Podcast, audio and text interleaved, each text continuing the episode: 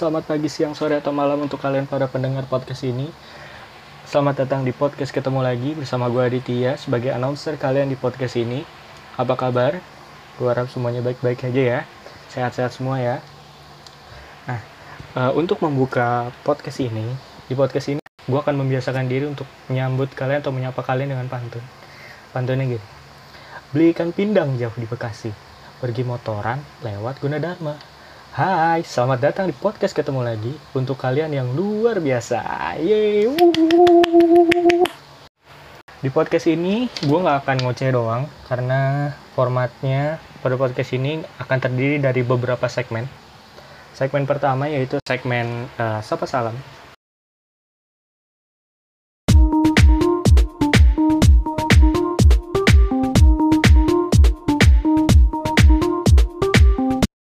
Jadi sapa, sapa salam ini adalah segmen di mana lu bisa uh, say hi atau menitip salam untuk seseorang. Dan kalian bisa kirim-kirim salam melalui komen di postingan IG kita di podcast at ketemu lagi ID Instagramnya itu atau bisa DM juga. Kalian bisa ngirim salam ke siapa aja ke teman keluarga rekan kerja atau ke pacar juga boleh. Nanti akan kita salamin ke orang tersebut di episode podcast selanjutnya gitu. Contoh, gue akan memberikan beberapa eh, salam-salam untuk sahabat baik gue. Jadi yang pertama untuk uh, Dwi Julian dan keluarga kecilnya yang sedang menikmati uh, momen menjadi orang tua baru. Dan gue pengen menyapa Hai Senja, anaknya Dwi Julian yang lagi lucu-lucunya sekarang di Instagram. yang kedua buat rival gue sekaligus classmate semasa di STM dulu Jayadi. Semangat terus bos kerjanya. Ingat semua orang sukses itu memulai kesuksesannya dari nol. Yo enggak asik asik. Udah kayak petugas SPBU bah. mulai dari nol ya pak bu gitu. Jadi kangen pom bensin. Oke yang ketiga untuk Heru Prabowo si entrepreneur muda. Si yang jago jualan dan jago nyeting burung kok jadi ambigu ya? Maksudnya itu burung piaraan gitu loh. Eh tapi burung itu juga dipiara kan ya? Nah itu contoh sapa salam kalau kamu mau ngirim salam ke seseorang kamu cukup komen di postingan IG kita at ketemu lagi ID atau bisa DM langsung ke Instagramnya ketemu lagi ID oke okay? dari segmen sapa salam kita akan beralih ke ngojek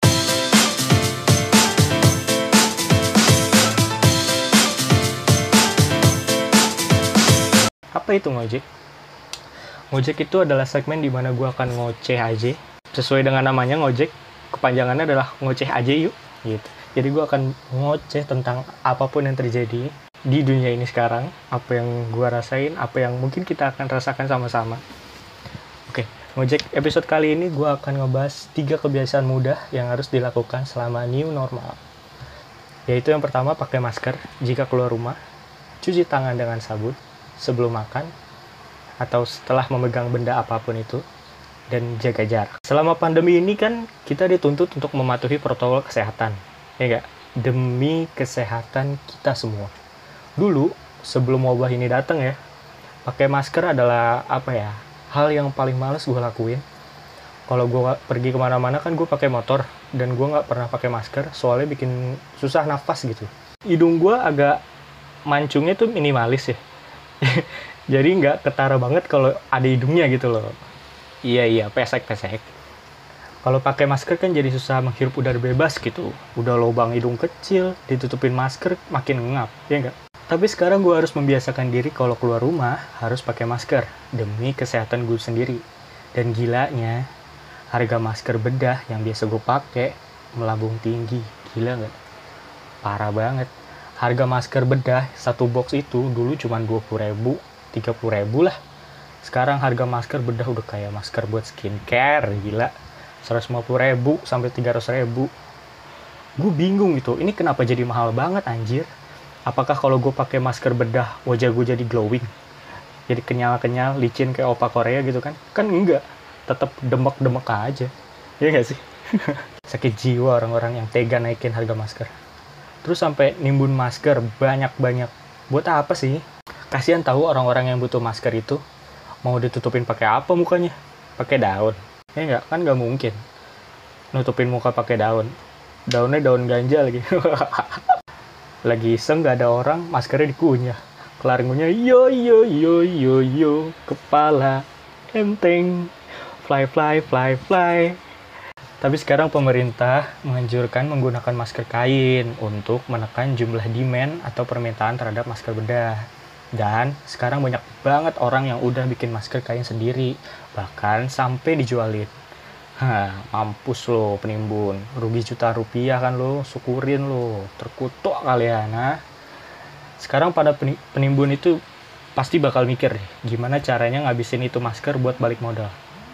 Seenggaknya buat buat makan lah gitu kan. Ya kan? Bingung kan gimana caranya? Demandnya sudah tidak sebanyak dulu dan sekarang harus balik modal buat makan. Ya gak? bingung kan pasti.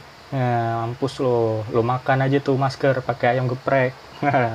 Terus yang kedua cuci tangan pakai sabun sebelum makan dan sehabis memegang benda Nah ini nih kebiasaan jorok people plus 62 nih. Kalau mau makan nggak pernah cuci tangan.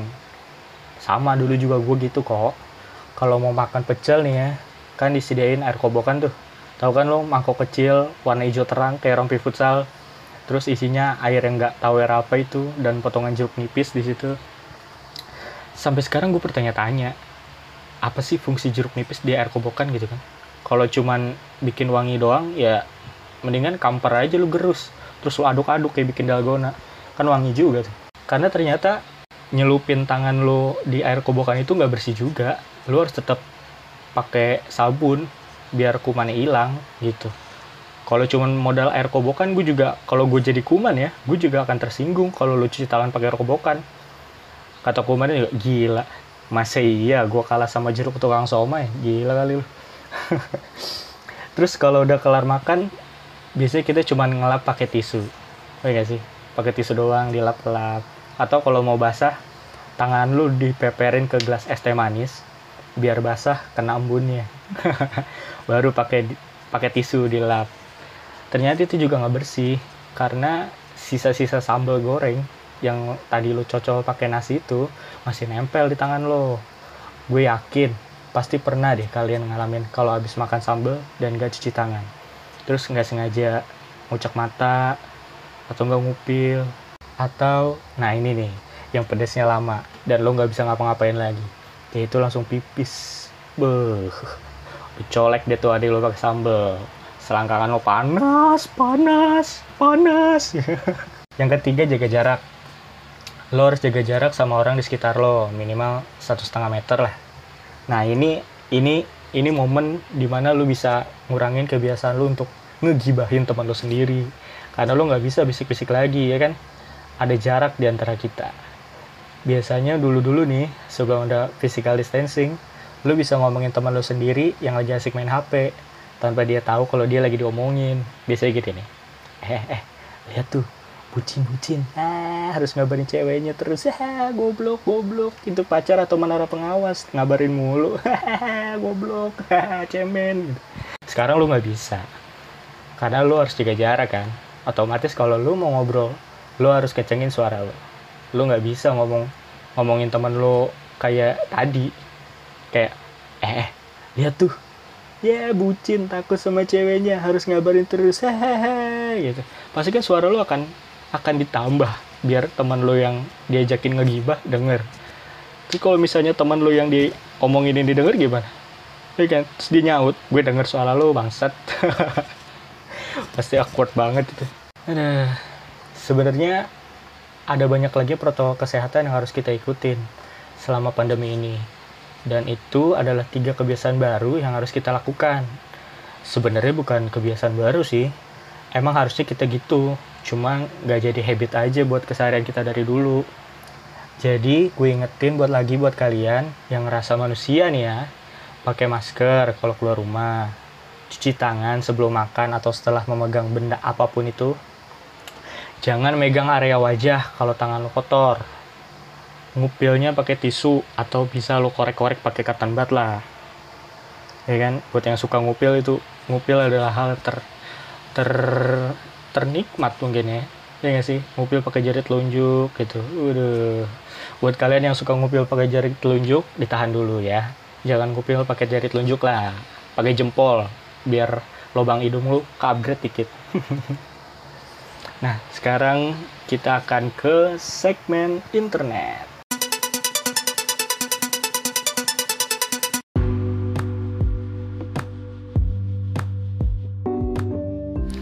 Halo, selamat datang di segmen internet informasi terupdate. Di sini gue akan membacakan tiga berita yang udah gue pilih, sumbernya dari Indozone. Yang pertama, penggunaan masker cegah terjadinya gelombang kedua virus corona. Di tengah virus corona, penggunaan masker sangat penting. Bahkan, studi baru menyebutkan bahwa penggunaan masker bisa mengendalikan penularan virus corona dan mencegah terjadinya gelombang kedua. Seperti yang dilansir dari Channel News Asia, sebuah studi di Inggris dari Universitas Cambridge dan Greenwich mengatakan bahwa langkah pembatasan atau lockdown saja tidak cukup untuk mengendalikan virus corona. Berdasarkan studi tersebut, peneliti juga mengatakan bahwa penggunaan masker akan sangat membantu mengurangi tingkat penularan virus corona. Menurut Richard, jika penggunaan masker secara serentak oleh warga di suatu negara akan sangat efektif mencegah penyebaran virus corona. Organisasi Kesehatan Dunia atau WHO juga merekomendasikan pemerintah di seluruh negara untuk mewajibkan orang memakai masker wajah di tempat umum untuk mencegah penyebaran virus corona yang sampai saat ini belum berakhir. Berita yang kedua dari Indozone juga ada 1240 kasus baru. Rekor tertinggi penambahan COVID-19 terjadi hari ini di Indonesia. Penambahan kasus konfirmasi positif COVID-19 di Indonesia pada hari ini mencapai jumlah paling tinggi sejak virus tersebut masuk dan mewabah, yakni sebanyak 1.241 orang. Oleh sebab itu, jumlah akumulasi konfirmasi positif corona di tanah air saat ini mencapai 34.316 orang. Hal tersebut pun disampaikan oleh juru bicara penanganan COVID-19, Ahmad Yuryanto. Pada hari sebelumnya, Selasa 9 Juni 2020, penambahan kasus konfirmasi positif COVID-19 di Indonesia sudah menyentuh angka 1000, yakni sebanyak 1043 orang. Berikut adalah 10 penambahan kasus tertinggi di Indonesia sepanjang kurang lebih 3 bulan virus corona masuk dan mewabah di Indonesia, yang direkap oleh Indozone. Pertama, 1241 kasus pada tanggal 10 Juni 2. 1043 kasus pada tanggal 9 Juni 3. 993 kasus pada 6 Juni 4. 973 kasus pada 21 Mei 5. 949 kasus pada 23 Mei 6. 847 kasus pada 8 Juni 7. 703 kasus pada 5 Juni 8. 700 kasus pada 31 Mei 9. 693 kasus pada 20 Mei 10.684 kasus pada 3 Juni. Yuri mengungkapkan bahwa penambahan kasus positif tertinggi yang mencapai 1.241 sejak Indonesia terpapar COVID-19 itu dikarenakan dilakukannya pelacakan atau tracking yang agresif. Berita yang ketiga, karyawan bekerja di masa PSBB transisi DKI Jakarta, Wagub Risa bilang kalau bisa 25% saja. Pemerintah Provinsi DKI Jakarta telah menerapkan pelonggaran aturan pembatasan sosial berskala besar atau PSBB. Orang yang bekerja dari kantor sementara yang lainnya di rumah.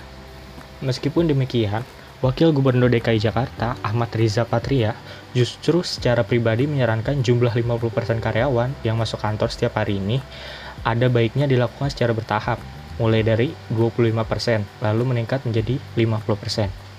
Tahap selanjutnya tergantung melihat perkembangan kasus virus corona atau COVID-19 di Jakarta. Riza bahkan meminta agar para pekerja dapat memprioritaskan bekerja dari rumah selama masa PSBB transisi ini diberlakukan.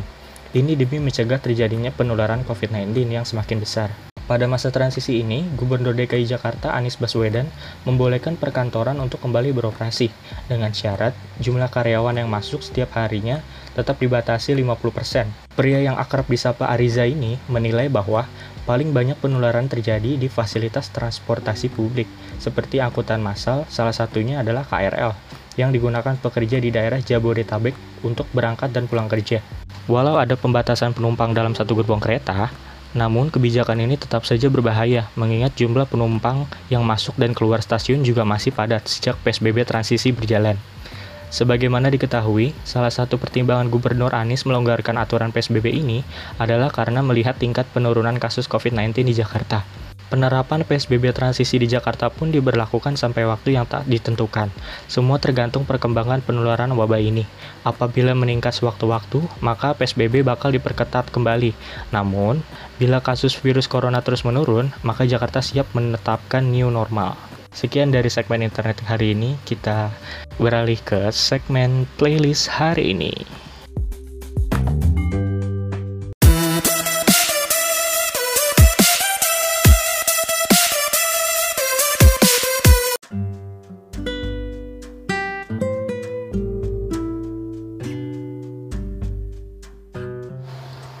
dan kita sedang di playlist hari ini playlist hari ini tuh adalah playlist yang akan gue persembahkan untuk kalian para pendengar uh, podcast ketemu lagi ID ada lima play ada lima lagu sebenarnya yang gue udah siapin untuk kalian. Yang pertama dari kakak tulus dengan lagu barunya adaptasi. Lagu yang bercerita tentang bagaimana kita saling mengenal dan meluangkan lebih banyak waktu untuk saling ngobrol. Pas banget dengan situasi kayak gini ya. Banyak yang stay at home dan lebih banyak ngobrol dengan orang rumah yang belum tentu kita mengenal dia dengan baik. Yang kedua ada dari Vira Talisa. Ini lagu lama. Judulnya If I See You Tomorrow. Lagu ini bercerita tentang betapa bahagianya kalau kamu nanti akan ketemu pacar kamu lagi karena sekarang udah sudah diperbolehkan untuk keluar rumah tapi tetap patuhi protokol kesehatan. Jangan pelukan dulu lah jangan cipiki-cipiki dulu lah tos-tosannya gue jangan dari jauh aja oke okay? buat para pasangan yang empat bulan terakhir mereka tidak merayakan malam mingguan karena pandemi ini ya dan harus pacaran by phone kayaknya lagu ini cukup cukup bisa menggambarkan perasaan kalian yang nanti akan ketemu dengan pacar kalian yang ketiga dari Michael Bubble dengan home-nya sesuai judulnya home atau rumah buat kalian yang tinggal jauh dari keluarga, lagi merantau di kota orang, atau mungkin lagi di negara orang, untuk mengejar impian kalian, lagu ini gue persembahkan untuk kalian para pahlawan keluarga. Yang keempat dari Hindia dengan secukupnya, lagu yang gue persembahkan untuk orang-orang yang kemarin merasakan dampak dari pandemi ini ya, yang punya usaha, usahanya harus tutup dulu dan tidak ada income sama sekali. Bahkan yang memiliki pekerjaan dan harus terkena PHK dari tempat pekerjaannya semoga lagu ini cukup membuat kita yakin lagi membuat kita optimis lagi. Di esok hari akan lebih baik lagi gitu ya. Yang punya usaha usahanya bisa jalan lagi. Yang baru di PHK kerja atau mungkin yang di, yang belum mendapatkan pekerjaan mendapatkan pekerjaan. Amin. Yang kelima dari GAC dengan bahagia. Lagu yang terakhir ini untuk kalian yang mulai WFO atau work from office. Semangat. Kemarin sudah puas bercengkrama dengan kasur. Sekarang saatnya untuk start your day. Buat sesuatu yang luar biasa lagi. Tapi tetap patuhi protokol kesehatan ya. Pandemi ini masih ada. Jangan sampai kecolongan lagi karena saking excitednya udah bisa keluar rumah lagi. Oke, sekian dari gua untuk episode pertama podcast ketemu lagi. Jangan lupa kalian bisa kirim salam via komen atau DM di Instagram ketemu lagi ID. Terima kasih untuk para pendengar yang sudah meluangkan waktunya mendengar podcast ini. Mohon maaf jika masih ada kekurangan, masih belibet. Kalau kalian punya kritik dan saran untuk podcast ini, juga bisa kalian kirim ke Instagramnya ketemu lagi ID. Terima kasih sekali lagi untuk kalian. Ingat, istirahat yang cukup, jaga kesehatan, berdoa sebelum memulai aktivitas, bersyukur atas apa yang kalian punya, dan jangan telat makan. Oke? Okay? Aditya pamit. Terima kasih.